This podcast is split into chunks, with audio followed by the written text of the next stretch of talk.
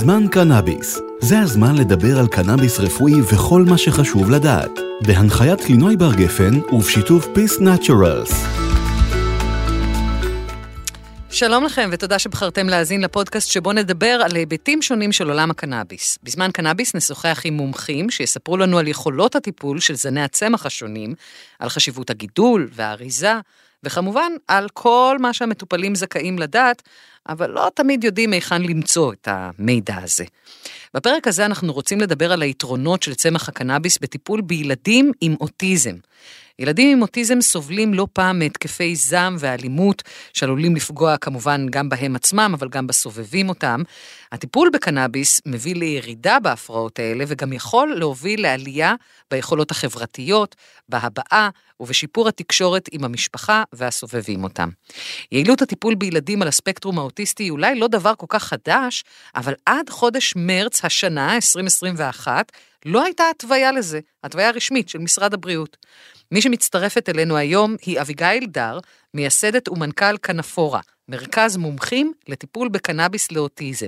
אביגיל היא גם אימא ליובל, שמאובחן עם אוטיזם מגיל צעיר. מאז שהיא נחשפה להשפעות של הטיפול של הקנאביס, היא עוסקת בקידום המחקר ובליווי הדרכה של הורים בתהליך הטיפול. שלום אביגיל. שלום. ספרי לי על יובל.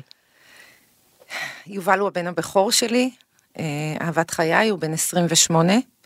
הוא אובחן בגיל שנה ועשרה חודשים, הוא לא ורבלי, הוא אפרקסי, קשה לו גם להביע את עצמו בדיבור. זאת אומרת, אם אנחנו מדברים על הרצף האוטיסטי, הוא בחלק הנמוך שלו. הוא בחלק הנמוך, כן. אה, הוא תלוי בזולת.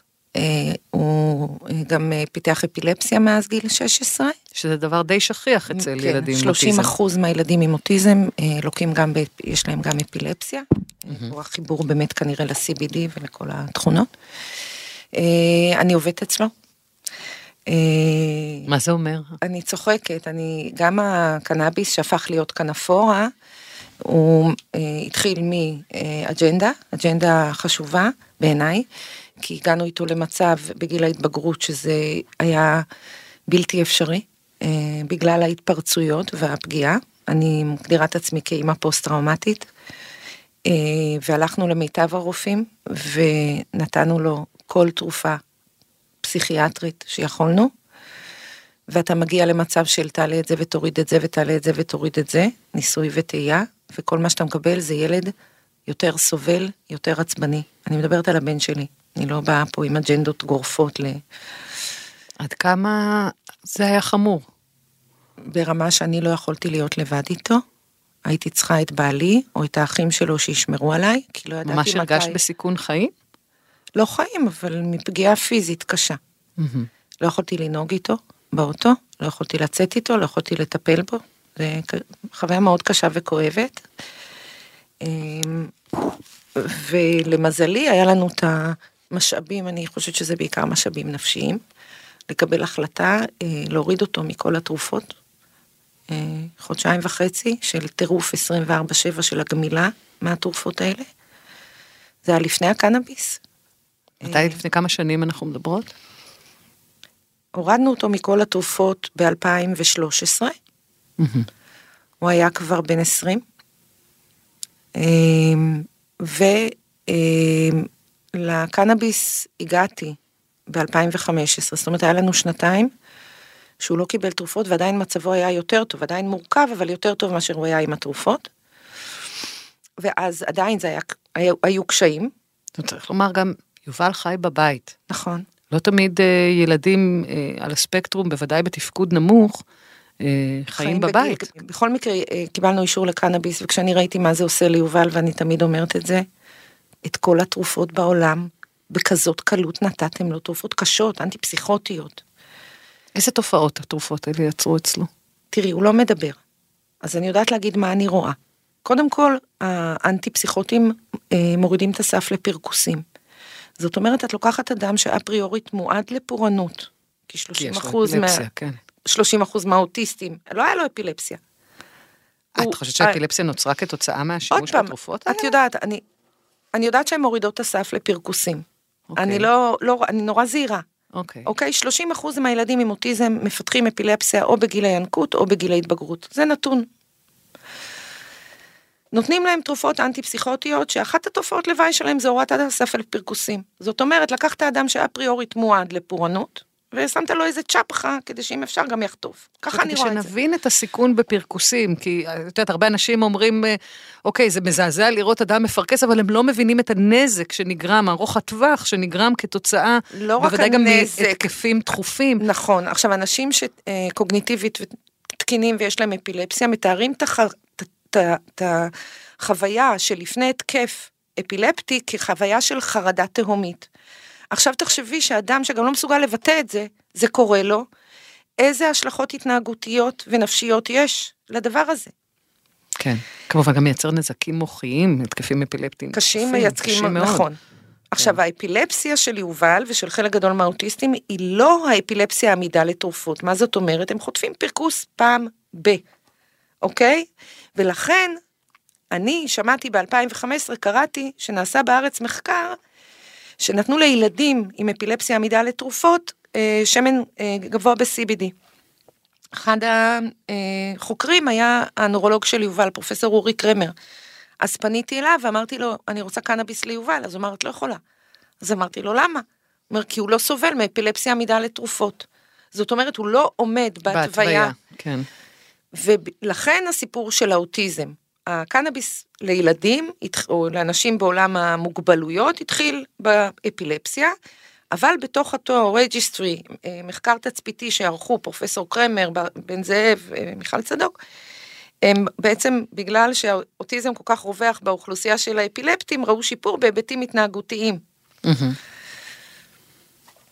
ובעצם מתי אתם, אם ככה, מתחילים להשתמש בשמן? אנחנו הגשנו בקשה ביוני 15, כי מצאתי פסיכיאטר, איש יקר, שהתעסק הרבה בקנאביס לפוסט טראומה. ואמר, אני לא יודע אם... זה- אני, אני מאמין שזה יעזור לו, אני לא יודע מה, הוא היה איש מדהים. אה, סירבו פעם, סירבו פעמיים, שני ערעורים.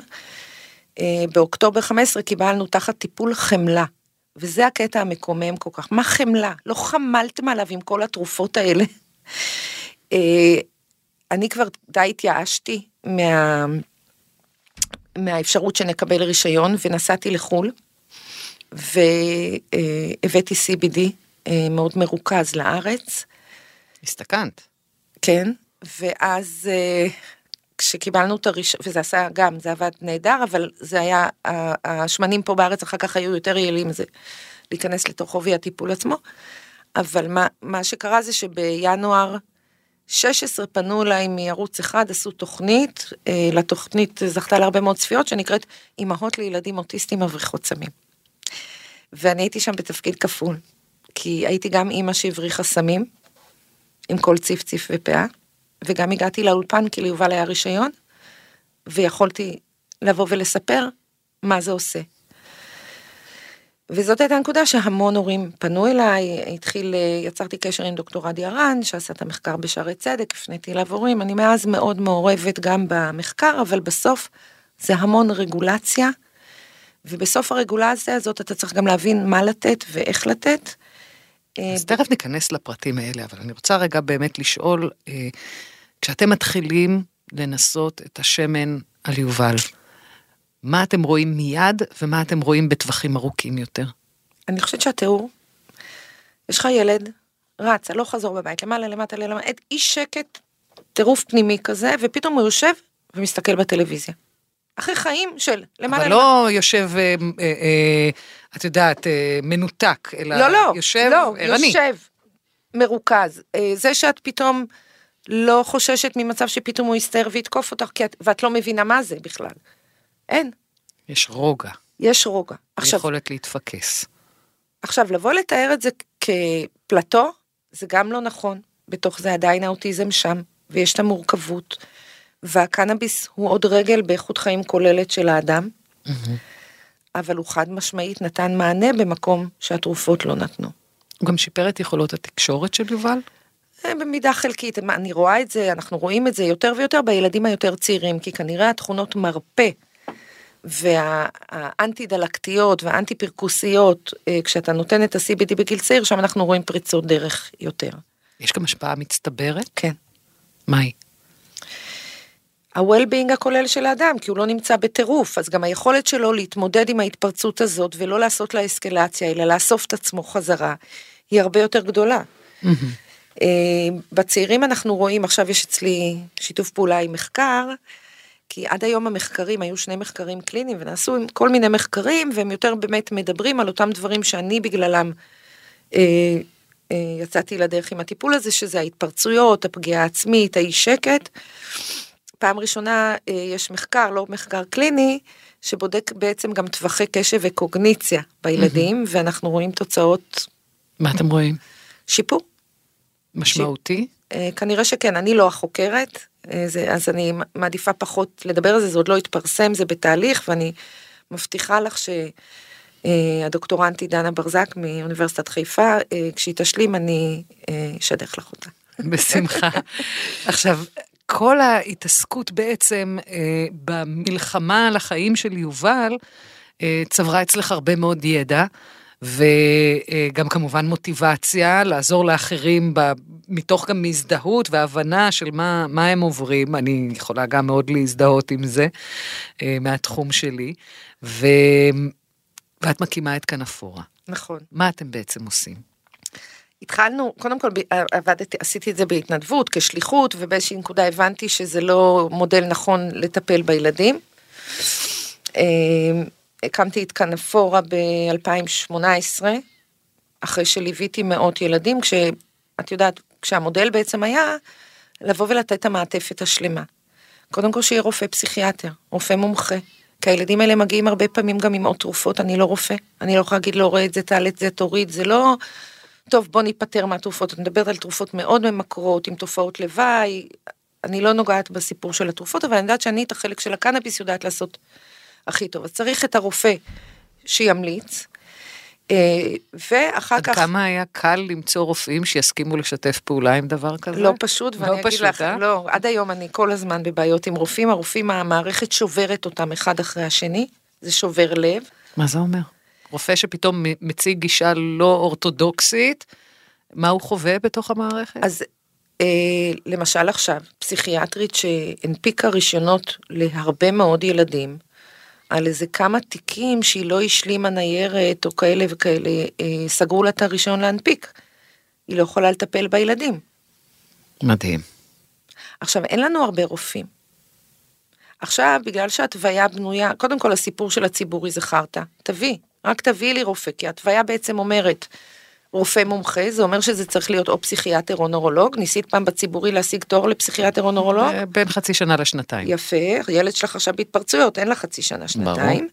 וגם שבכלל יהיה כזה שמוכן להמליץ על קנאביס. אפשר לספור אותם על כף יד אחת? אז אתה צריך רופא ממליץ ואתה צריך רופא מנפיק. עכשיו כן. אני עובדת עם רופאים שהם גם מומחים וגם מנפיקים כדי לחסוך את העלויות האלה להורים, כי בתפיסה שלי של כנפורה, אני רואה מה קורה בתחום, אני רואה מה קורה בשוק, אני מבינה אותו, אני חושבת יותר טוב מחלק גדול מהאנשים. הוצאת רישיונות. זה החלק הכי פחות מעניין בסיפור. החלק הכי חשוב זה מה אתה עושה עם הרישיון הזה, איך אתה דואג שהמרשמים יתאימו למה שהילד שלך צריך, ואיך אתה מלווה אותו עד לאיזון. אם אנחנו מדברים על הטיפול הזה כ-self-medicating, תחשבי שפה אנחנו נכנסות לעולמות שבהם האדם לא עושה self-medicating. מישהו עושה את זה לא, mm-hmm. וצריך לדווח לי, כדי שאני אדע לדייק את זה. מה זה אומר לדייק? מה קורה ממינון לא נכון, מהתאמה של זן לא נכון? קודם כל, כל הקנבינואידים אנחנו יודעים שהם בי פאזיק, זאת אומרת, ברגע שהם לא בחלון התרפויטי המתאים, אתה חוטף בהפוכה. גם אדם, כמו הסטימולנטים, הפרעות קשב וריכוז, אדם שאין לו הפרעת קשב ויקח רטלין, זה יעשה לו הפרעת קשב. אה. זאת אומרת שאם לא מצאנו את הזן, את המינון ואת החלון התרפויטי המתאים לאטם באותה נקודת זמן, קיבלנו בהפוכה, ילד שבמקום לישון נעשה נורא נורא עירוני. כשאת מגיעה ל-THC, אני תמיד נוח לי לדבר על הילד שלי. אני אומרת על יובל שעם THC הוא נעשה מסלול נמר, לא מסלול חתול. נמר הוא ממשפחת החתולים. אמ, זאת נמר בזמן ציד, כן. כן, משהו. כן. אה, אז אני, יש לי גם, אני משתמשת בהומור ככלי להתמודד עם החיים המורכבים, אה, ולכן צריך לדייק את זה. וגם צריך להביא הורה נורא קל לתפוס הורה שהילד שלו עכשיו אובחן, או שהוא בשיא הקושי של החיים שלו, ולמכור לו חלומות וקסמים. אני לא יודעת לעשות את זה. יש לי ילד כזה בבית. אני יודעת להגיד לו, זה מסע, זה תהליך. זה תהליך, הקנאביס הוא עוד רגל בתהליך הזה. אתה צריך לקחת את המשפחה ולשקף לה גם, שאם הקנאביס עשה נורא טוב ובבית זה מדהים, ובמסגרת זה לא טוב, אז צריך עוד משהו, אף תרופה או קנאביס לא משנה, מציאות לא מיטיבה לאדם. כלומר, אז בואי אני אעשה רגע אה, אה, מורה נבוכים דרך אה, מקרים. נניח שהילד שלי אובחן עכשיו כפעוט על הספקטרום האוטיסטי. קודם כל, באיזה שלב אה, אה, כדאי להתחיל להתאים לו טיפול בקנאביס? האם כבר בגילאי אה, שנתיים, שלוש, ארבע, או, אה, או בשלב מאוחר יותר? אז אני אעשה לך איזה, קודם סדר סטטיסטי בספקטרום האוטיסטי, אני לא יודעת אם זה אחד לאחד נכון, אבל בגדול. ילדים שמאובחנים בגילאים הצעירים זה בדרך כלל התפקוד הבינוני לכיוון הנמוך. ככל שהתפקוד יותר גבוה, האבחון מגיע יותר מאוחר בדרך כלל, כי אתה לא רואה את הפערים גדלים עם השנים. אז כשאת אומרת לי ילד צעיר שאובחן, אני משדכת לזה את ההנחה שמדובר בילד שהפגיעה היא אורגנית, אה, שמדובר בתפקוד הבינוני נמוך, עם קשיים ורבליים, עם קשיי תקשורת קשים וכדומה, ויסות. את שואלת אותי כמי שמתעסקת ומומחית בתחום, הייתי מתחילה באותו רגע. את שואלת הרגולטור, ההתוויה היא מגיל חמש. מגיל חמש? כן. מה אני אמורה לעשות עד אז? אה, תמצאי רופאים שבשמחה אה, יחריגו אותו מהנוהל וייתנו לו ריספרידל, או הביליפאי, או אטומין, או אנטי-פסיכוטים, שגם אסור לתת לפני גיל חמש. אבל הם יסכימו לתת אותו לילד בן שלוש? כן, יש כאלה, כן. כלומר, הם לא יסכימו לחרוג כשמדובר בקנאביס, הם כן יסכימו לחרוג כשמדובר בחומרים אה, נכון. קשים. נכון, אני, כשמגיע אליי מקרה שאני מבינה שהוא אחד המורכבים, אני יכולה להתאבד עליו. אבל זה נעשה יותר ויותר קשה. זאת אומרת, בגלל שזה לא בהתוויה, אם הם יוציאו ויתלבש עליהם משרד הבריאות, הוא יסגור להם את האפשרות להנפיק לאחרים. סוג של... זאת אומרת, בעצם... הם לא משאירים כאילו, שיקול דעת לרופא. כמו שאת אומרת, אה, אני הברחתי סמים כדי לעזור לילד שלי, ואגב, עד כמה שזה נשמע קיצוני, אין לי ספק שהרבה מאוד הורים ברור. היו עושים בדיוק את אותו עושים הדבר. עושים עדיין. ועושים עדיין. אז זהו, זה, זה מה שאני רוצה לשאול, האם, האם באמת, אם ככה התוצאה היא שהורים לילדים צעירים מגיל חמש, נאלצים עד היום, כן, אבל אני אגיד לך מה מדאיג אותי. להפוך להיות עבריינים במרכאות. א', כן, כי עדיין ה-CBD לא הוצא מפקודת הסמים. אבל אני אגיד לך מה מדאיג אותי בסיפור הזה. זה, כשאתה מתחיל עם כל מיני חומרים של CBD over the counter, אתה לא באמת יודע מה יש שם.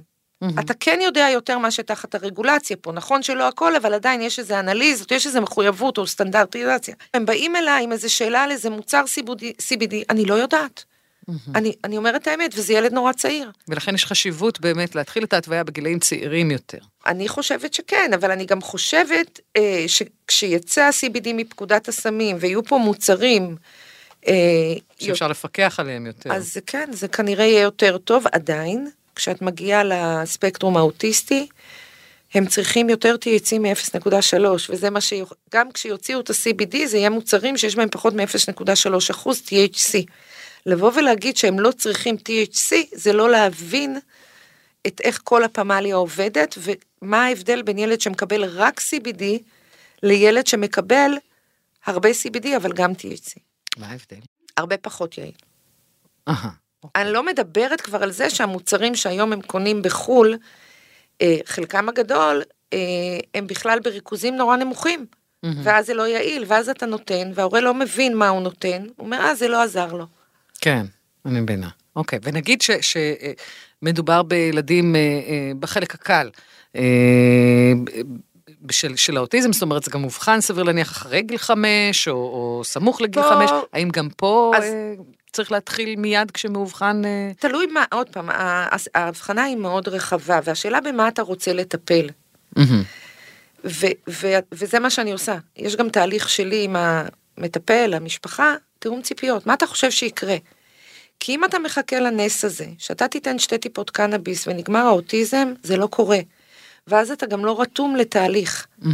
עכשיו, בספקטרום האוטיסטי, כשאנחנו מדברים על הפרעות התנהגות, כן, השמנים והמוצרים שיש לנו ברגע שאנחנו מנגישים אותם לילדים, חלק גדול מהם מאוד עוזרים כתחליף לאנטי פסיכוטיים.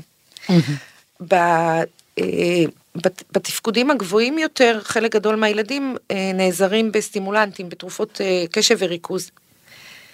מה שבתפקודים הנמוכים הרבה פעמים, זה- התרופות קשב וריכוז מעלות חרדה.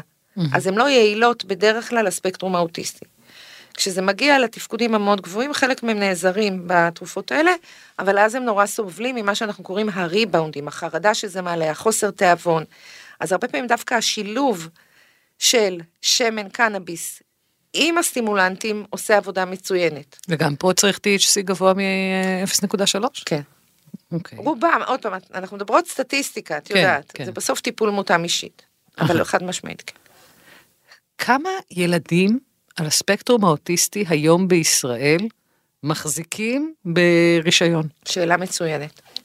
את עצמך אמרת שההתוויה נכנסה במרץ, מרץ 2021, כן? זאת אומרת שכל הנתונים של הילדים שהיה להם רישיונות לפני מרץ 21, כשמשרד הבריאות מפלח את המספרים, הוא שם אותם בקטגוריית אחר.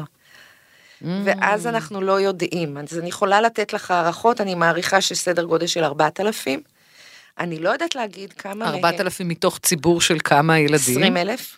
או, אה, זה מעט מאוד, אוקיי. א', כי זה נורא מסובך, ונכון לשלשום זה גם הפך להיות סופית אה, טיפול לעשירים בלבד, אנחנו יכולות לדבר על זה גם. אה, את מתכוונת לביטול ההסדרה הישנה, כן, שאמרה 370 שקלים, ועכשיו בעצם זה יכול גם להגיע לאלפי שקלים. נכון. כמה גרמים בדרך כלל נותנים אז- ברישיון לילדים?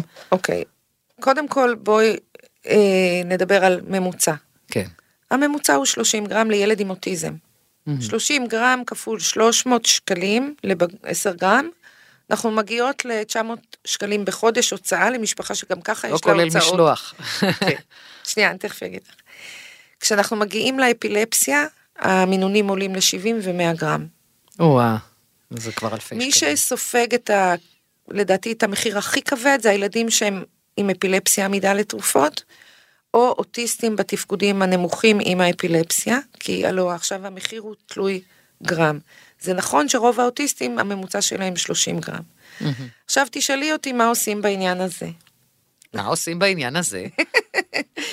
קודם כל לא פותחים פייסבוק ביומיים האחרונים כדי לא לראות את כל הפוסטים עם הילדים המפרכסים שהופכים לך את הבטן.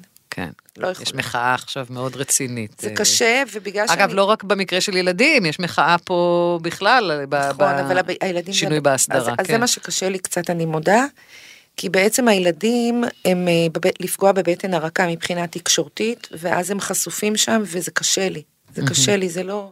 אבל בגלל שאני בשוחות של הסיפור הזה מאז, עוד לפני הרפורמה, כשהגענו למשרד הבריאות, אני לא ציינתי שאני גם חברת הנהלה בעלות. אה, שאני פעילה גם ברשות המקומית שאני חיה בה, שאני הקמתי מסגרת תעסוקה, מועדונית, נופשונים, אה, לבן שלי בסטנדרט אחר מסטנדרט מדינה, זאת אומרת אני פועלת בהרבה מאוד ערוצים לקידום זכויות ושיפור איכות החיים. קנאביס הוא עוד זרוע בתמנון שאני אה, בסיפור הזה. אה, אני גם, אה, כן, רתמתי את אלו"ט ואת ארגון אהבה, שזה ארגון המח... הילדים המיוחדים. והיינו בפגישות במשרד הבריאות, עוד עם בר סימנטו ופרופסור גרוטו ויובל לנדשפט. ונעשתה הרבה עבודת ניירת ומכתבים וועדות כנסת, זאת אומרת, את לא יכולה להגיד לי, אופ, הפתיעו אותך היום. כן. את ראית שם איזושהי נכונות אה, אמיתית? בדיבורים. בסוף, אני אומרת את האמת, ואני, זה נורא מצער אותי, אבל תכף אני אגיד לך את החלק, איך אני רואה את זה. עצוב לי, את יודעת למה? כי אחרי כל הפעילות הזאת, אני גם, גם המודל הזה שיגידו יסבסדו, אני לא מאמינה בו. את יודעת למה? למה? מי קונה לחם אחיד? אני? ואני, כי אני מתה על זה. אוקיי, אז את, את, את בהחרגה פה. מה ייתנו להם תחת סבסוד? מאמינה שאיכות מוצרים נמוכה יותר? חד משמעית. כן, זאת אומרת, הילדים ישלמו את המחיר אה, של הסבסוד באיכות מוצרים נמוכה יותר, שעלולה להיות. או לא הלא אפקטיבית או אפילו מזיקה. חד משמעית. עכשיו, כשמזיקה אני לא יודעת, כי עשו שם בדיקות שזה באמת זה, אבל לא יהיה את העושר קנבינואידים, לא יהיה את הזנים שאנחנו כבר סטטיסטית יודעים שעוזרים לילדים. יש שם הרבה קומבינות. אז מה הפתרון אם ככה? אני בונה אותו. מה זה אומר? אה, חוות הילדים? קודם כל, אה, אני בתהליך של לבנות תוכנית, שבעצם אה, יחד עם קופות חולים וחברות ביטוח יסבסדו את השמנים שאנחנו יודעים שטובים לילדים, אה, שתיתן מענה באמת להוזלת הטיפול הזה, אה, כשאני לצערי מאוד סקטוריאלית. זאת אומרת, מה שנכנס, שזו קבוצה לא מאוד גדולה בתוך כלל המטופלים בקנאביס רפואי, אמ, זה בעצם הקבוצה של ילדים אה, עם הפרעות נוירו-התפתחותיות. עכשיו, כשאני אומרת ילדים, גם יובל ילד, הוא בן 28, הוא ילד, תלוי בזולת. אנשים עם מוגבלויות, אפילפסיה. כל הרקע הנוירו-התפתחותי. וזה מתוך הבנה אה, שגם כשיסבסדו, זה לא יעזור לי. אני תוהה עד כמה, עם כל החזון הזה והרצון גם של הורים להיטיב עם הילדים, עד כמה עדיין, גם אצל הורים, אה, בני גילי 30, 40, אה, יש את החרדה, את החשש מקנאביס לילד. גם אם הילד הזה הוא על הספקטרום האוטיסטי, והם כבר שמו עליו דברים קשים בהרבה, שהם אולי אה, יותר מקובלים, אבל לא בהכרח... אה, אז אני רוצה לספר משהו טובים. אישי, אבל אני מספרת אותו תמיד. יש לי אחות, היא אהבת חיי, כל שישי שבת אצלי, היא מתמודדת נפש. הטריגר, היא סכיזופרנית. הטריגר לפסיכוזה היה עישון יותר מדי חשיש בגיל ההתבגרות. אז צריך להבין באיזה מצוקות אני כאימא הייתי צריכה להגיע כדי לחפש את הפתרונות שם. ותמיד כשהורה מגיע אליי, אני מסבירה לו שאני יותר פחדנית ממנו. ולכן הליווי שלי הוא לתת לו יד ביד בצורה מאוד הדוקה, כדי להימנע אה, מההשפעות. אני גם באופן אה, עקרוני חושבת שהילדים, את יודעת, זה לא עניין מה של... הדבר, אגב, הח- החששות שהורים מציגים בפנייך? כש- זה- מ- משימוש ב... מה, אני בקנאביס? מסתל את הילד? עכשיו, את רוצה אני אעשה לך פה סטנדאפ. כי כשמגיע ההורה, ואתה רואה את הדוח ניפוק תרופות של הילד שלו, עם כל הנורולפטיקה והאנטי-פסיכוטיים שיש, וה- והוא אפילו הגיע כבר לטיפולים מאוד קשים, והוא אומר לי, נו טוב, עכשיו נמסטל את הילד, אז תגידי לי, מה אני אמורה להגיד לו? אז אני מנסה להגיד, רגע, באנגלית, דרג, זה דרג, זה גם סם וגם תרופה. כן. זה עניין של... גם הורים צעירים? גם חבר'ה בגילאים יש לי שני, צעירים? שני, שני מקרי קצה, אוקיי? יש לי את ההורים שבטוחים שזה שום דבר ואפשר לדפוק לילד THC וזה סבבה, שזה מפחיד אותי. כן. ויש לי את הקצה השני שאתה צריך לעשות איתם את הדרך ולהסביר להם את ה, את ה, איך, איך הצמח עובד, איך אנחנו מנהלים טיפול, למה ת, נ, תמיד נתחיל עם היי CBD, גם אם אני חושבת שהילד צריך יותר THC, כאחריות טיפולית, כי גם כשכואב לך הראש את תקחי קודם אקמול או מורפיום, ולאט לאט בטיטרציה עדינה נעלה את זה, או נחליט לשנות סוג שיש בו קצת יותר, זה תהליך שלם. זה לא, אין לי זבנג וגמרנו. מהמם.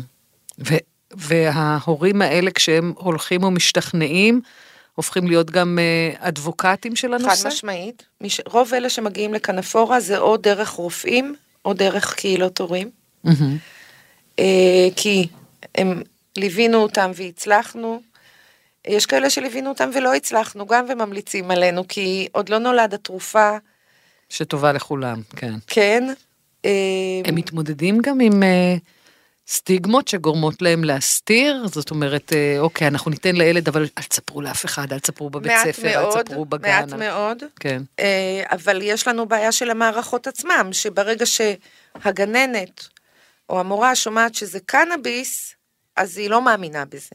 או רופא שאומר, טוב, אני לא מאמין בזה. עכשיו, אני באה ואומרת ככה, רגע, אם הילד נמצא במוסד חינוכי, ועכשיו הוא צריך לקבל את השמן שלו, לא, ייתנו לו, למוסד? אה, לא, יש חוזר משרד הבריאות, אה, חינוך לגבי מתן שמן קנאביס במסגרות, הרופא שחתום על הראשון מוציא אה, כמו לכל תרופה אחרת. אבל את יודעת מה, אני, את יודעת, בסוף את באה למק, למקומות מאוד אה, מורכבים. אני אוהבת תמיד, יש לי סיפור שאני אספר לך אמיתי. היה לי מקרה של משפחה עם ילד אוטיסט בחינוך מיוחד בגיל ההתבגרות, קיבל תרופות אנטי-פסיכוטיות, והיה דוח, דוחות של המסגרת, כל שבוע סייעת מגיעה לחדר מיון. פעם הוא שבר לה את המשקפיים, ופעם הוא נתן לה ככה, ופעם הוא משך לה בשיער, כל שבוע.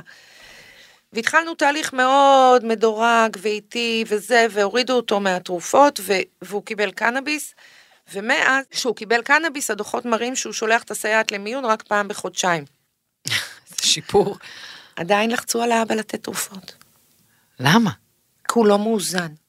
מה זה לא מאוזן? הוא קודם היה על תרופות, ו... זה מה שהוא מראה להם בדוחות, אבל הוא לא מאוזן. עכשיו, אין דבר כזה, ילד או בוגר עם אוטיזם מאוזן. זהו, נתת לו את התרופת פלא פעם ביום, ועכשיו אתה מאוזן לכל החיים. אין מה חיה זה אומר כזאת. בכלל מאוזן? תשאלי אותם, לא אותי. מאוזן זה בעצם אומר לא אוטיסט. לדעתי, כשהמערכת החינוך המיוחד הרבה פעמים אומרת מאוזן, היא מתכוונת לא מפריע לי. אהה, אוקיי. סליחה, אנחנו מכירים את זה בילדים עם הפרעות קשב בכיתה, שכל כך מהר מורות ממליצות על רטלין, משום שהן לא יכולות להסתדר עם 40 ילדים שיש להם, אני לא באתי טוב, זה בטענות. לא שנתנו להם כלים יותר מדי, כן? אז אותו דבר בחינוך המיוחד. את מגלה שגם שם אה, הפתיחות לאט לאט אה, משתנה? בוודאי. כן? זה משתנה ברמות של, זה ברמה פרסונלית משתנה. אבל כשהורה מגיע אליי, תעזבי רגע את המערכת החינוך, בואי נדבר על הרופאים. מהמם. כשהורה מגיע אליי שסיפר לי שהוא פנה לרופא מומחה, וההוא אמר לו, אני לא מאמין בזה, אני אומרת לו, טוב, את הרופא הזה אני לא מעריכה. כי היום יש לנו מחקרים, ויש לנו דאטה, אז תלמד. תלמד. זהו, אני לא אוהבת את זה, זה את לא זה ש- מאמין? בדיוק, מה, מה זה מה קשור זה לא לאמונות? מאמין? אמונות לא עכשיו- שייכות לעולם המדע. עכשיו, עמדה מכובדת בעיניי זה שרופא, הרואה פונה אליו והוא אומר, תראה, אני לא מבין בזה, אז אני לא מטפל בזה. כן. זה יותר מכובד בעיניי, כי אני מבינה את המורכבות של לטפל בילד עם אוטיזם, אה, לעומת, לא, מה זה לא מאמין, אוקיי? מהמם. ויש את המתי מעט שתומכים בטיפול. בואי נסתכל קדימה, איפה את מאמינה שאנחנו נהיה בטיפול בילדים אה, על הספקטרום בעוד שלוש, ארבע שנים? קודם כל אנחנו נשפר את ההתוויה, שהיא לא תהיה כזה חסם. אה, ה-CBD יוצא מפקודת הסמים, אז אני מניחה שחלק מהילדים אה, יוכלו ליהנות מזה תחת פחות רגולציה. נושא המחיר, אמרתי לך, אנחנו עדיין בטלטלה של הבג"ץ, אני לא זה, אבל אני גם מקימה עכשיו, מקווה שאני אצליח, תוכנית שבעצם תוזיל לפחות בכמה עשרות אחוזים את העלות של הטיפול הזה, כי בעיניי זה... יחד עם העלויות הנוספות של אה, טיפול ב, בילדים זה- במצב כזה, זה באמת כן. מביא... נורא. זאת אומרת, אם יש ילד על הספקטרום, אם אפשר שיהיה בעשירון העליון, כי מתחת לזה זה יהיה. כמעט בלתי אפשרי הסטטיסטיקות לטפל. אגב מראות שהמשפחה, כן, אבל מה שאני, זה, זה יותר נורא מזה בעיניי. הילד שלי הוא אדם שצריך תרופה. אתם גרמתם לזה שהתרופה שאתם הגדרתם קו טיפולי אחרון, עולה לי היום 3,000 שקל בחודש. וואו. אביגיל אלדר, תודה רבה שהצטרפת אלינו, השכלנו ממך לא מעט, ואני ממש מקווה שמה שאת אה, מנבאת באמת יקרה, ואולי אפילו יקרה טוב יותר. אני הלוואי, רצה הלוואי. מרתון, לא ספרינטים. זה ברור, אי אפשר במצבים כאלה לשרוף את כל המשאבים על ספרינט, חייבים לחלק אותם היטב כדי לעמוד במרתון הזה. תודה, אביגיל. ועכשיו נעבור לפינתנו מידע מועיל למטופל המתחיל, שתגיש לנו רוני כץ עמיחי, סמנכ"לית שיווק ומכירות של קרונוס ישראל. איך אדע איזה זן לקנות? ברישיון הקנאביס הרפואי שקיבלתם, מצוין ריכוז החומרים הפעילים אותו הרופא ממליץ ליטול, אבל לא סוגי הזנים. יש לכם את האפשרות לבחור כל מוצר קנאביס רפואי מכל זן, כל עוד הוא מתאים לריכוז שמופיע ברישיון. אבל איך עושים את זה? כדי לדעת איזה זן מתאים לכם, כל מה שצריך לעשות זה לשאול את הרוקח. הרוקחים עוברים הכשרות ייעודיות, והם יכולים לייעץ לכם איזה זן לבחור ומה דרך השימוש המתאימה ביותר עבורכם. בנוסף, הרוקח רשאי לשנות תפרחת לשמן ולהחליף בין קנאביס רפואי מסוג סטיבה לקנאביס רפואי מסוג אינדיקה בהתאם לצרכים שלכם. ולסיום, עוד טיפ חשוב, לכו להתייעץ. מניסיוננו, אנחנו יודעים שלמטופלים יש שאלות, אבל הם חוששים להתייעץ ומתביישים לשאול. בכל שאלה, פנו לרופא או לרוקח, הם שם בשבילכם. תודה, רוני. בפרק הזה שמענו את האתגרים הרבים שאיתם מתמודדים ילדים עם אוטיזם ובני משפחתם. אוטיזם זו לקות נוירו-התפתחותית, אין לה מרפא, אבל צמח הקנאביס מאפשר טיפול הוא מספק פתרונות שמקדמים את הילד ומסייעים לו להתגבר על חלק לא מבוטל מהקשיים האלה. תודה רבה שהאזנתם לזמן קנאביס. לפרקים נוספים, הצטרפו אלינו בספוטיפיי ובאפליקציות הפודקאסטים המוכרות. זמן קנאביס. זה הזמן לדבר על קנאביס רפואי וכל מה שחשוב לדעת. בהנחיית קלינוי בר גפן ובשיתוף Peace Naturals.